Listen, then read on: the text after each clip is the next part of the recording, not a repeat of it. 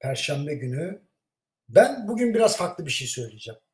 Hakikaten bu sabahın erken saatinde sizinle paylaşmam gereken bazı hisler ve düşüncelerim var. Şimdi hepimizin çok önemli bir samimiyet testinden geçtiği bu günlerde bir konu hakkında tam fikir sahibi olmadan ya da konunun muhatabı olan kişilerin kim olduğunu bilmeden sosyal medya paylaşımları yapan dostlarımı görüyorum. Şimdi her şeyden önce benim dostlarıma tavsiyem şu. Eleştiri eğer popülerliği artırmak için yapılmıyorsa doğru mesajın verilmesi ve neticede doğru işin yapılması için muhatabına doğrudan anlatılması gerekiyor. Sosyal medya üzerinden paylaşım yapmak iki olumsuz sonucu yaratıyor. Bunu size anlatayım. Şimdi birincisi yüz binlerce kişinin önünde verilen bir tavsiyenin muhatabı tarafından doğru anlaşılması imkanı ortadan kalkıyor. Çünkü o sohbete sayısız insan lehte ve aleyhte görüş bildirerek katılıyor. Hatta eleştiren ve eleştirilen kişilere hakarete varan paylaşımlar yapılıyor. Dolayısıyla gerçekten yanlış bir iş varsa düzeltilmesi mümkün olamıyor. Aynı durum mail ya da WhatsApp gruplarında yaşanan münakaşalar için de geçerli. Sadece kalp kırıklığı ve öfke yaratan bu paylaşımların aklı başında insanlar tarafından yapıldığını görmek inanın çok üzücü. İkinci fikre geleyim sonuçlarda. Gerçekten eleştiri yapılan meselenin muhataplarını ya da taraflarını biliyorsak doğrudan temas etmek yerine sosyal medya veya gruplar üzerinden eleştiride bulunmak samimiyet açısından sınıfta kalındığını ve kişilerin popülerliği ve itibarı üzerinden prim yapılmaya çalıştığını gösterir. Esasında bir eleştiri ya da tartışmanın amacı haklı çıkmaya çalışmaktan çok doğru olanı bulmak, bunu yaparken de özgürce fikirleri söyleyebilmektir.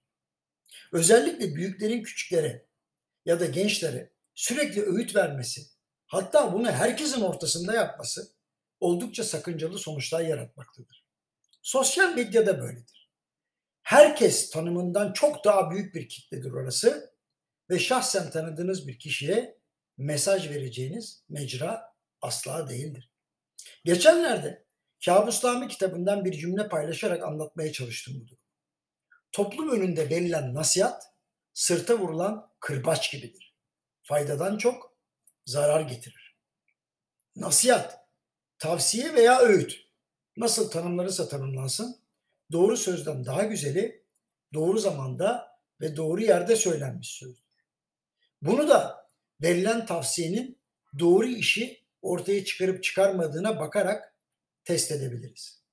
Hele ki öğüt verenler ya da eleştirenler daha önce benzer işler yapmışsa bu konuda daha dikkatli ve hassas olmalıdırlar. Ben de öyle yapmıştım. Pek bir fayda getirmedi. Ancak sen bilirsin gibi kişilerin özgür iradelerine saygı duyan ama doğru şekilde uyaran bir üslup büyük önem arz etmektedir. Neticede eleştiriler gerçekten doğru işin ortaya çıkması için yapılıyorsa popüler olmak için uğraşmamalı. Bundan başka her türlü hassasiyetin de farkında olarak yaklaşılmalıdır. Kendi yaşantı tarzımızı her şeyin üzerinde gören bir anlayış tarzı bizi doğru bir istikametten alıkoyar.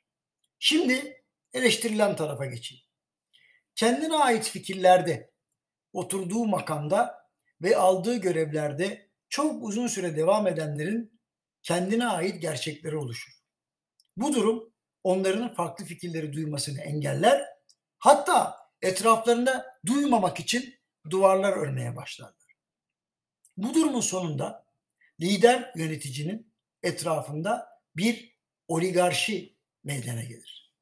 Liderin, başkanın, yöneticinin duymak istediklerini söyleyen bu oligarşi doğru fikir, öneri ya da uyarıların erişimini engellemeye başlar. Sonucun ne olacağını tartışmaya gerek yok. Tarihteki örneklerini zaten biliyorsunuz. Özetle eleştirenlerin ya da fikirlerini ifade edenlerin niyetleri kahraman olmaksa bilsinler ki fayda vermeyecek. Çünkü fikir doğru olsa bile ifade biçimi doğru olmadığı için doğru sonucu vermeyecek. Yöneticiler de dinlemeye kapalı oldukları sürece kendilerini tekrar edecekler. İlerleme olmadığı gibi kurumlar hep gerileyecek. Sonuç olarak sosyal medyanın ya da mesaj gruplarının farkındalık açısından önemli olduğunu görüyorum. Ama samimiyet ve doğru işi yaptırma gücü açısından sınırlı gücü olduğunun da altını çizmek istiyorum. Sadece kalp kırıklığı ve yeni düşmanlıklar yaratan bu davranış şeklini aklı başında olanların bir kere daha düşünmesi gerektiğini ifade ederken kurum içinde ve sosyal hayatta arkadaş kaybetmemek için bir kere daha hatırlatmakta fayda görüyorum. Yarın görüşmek üzere.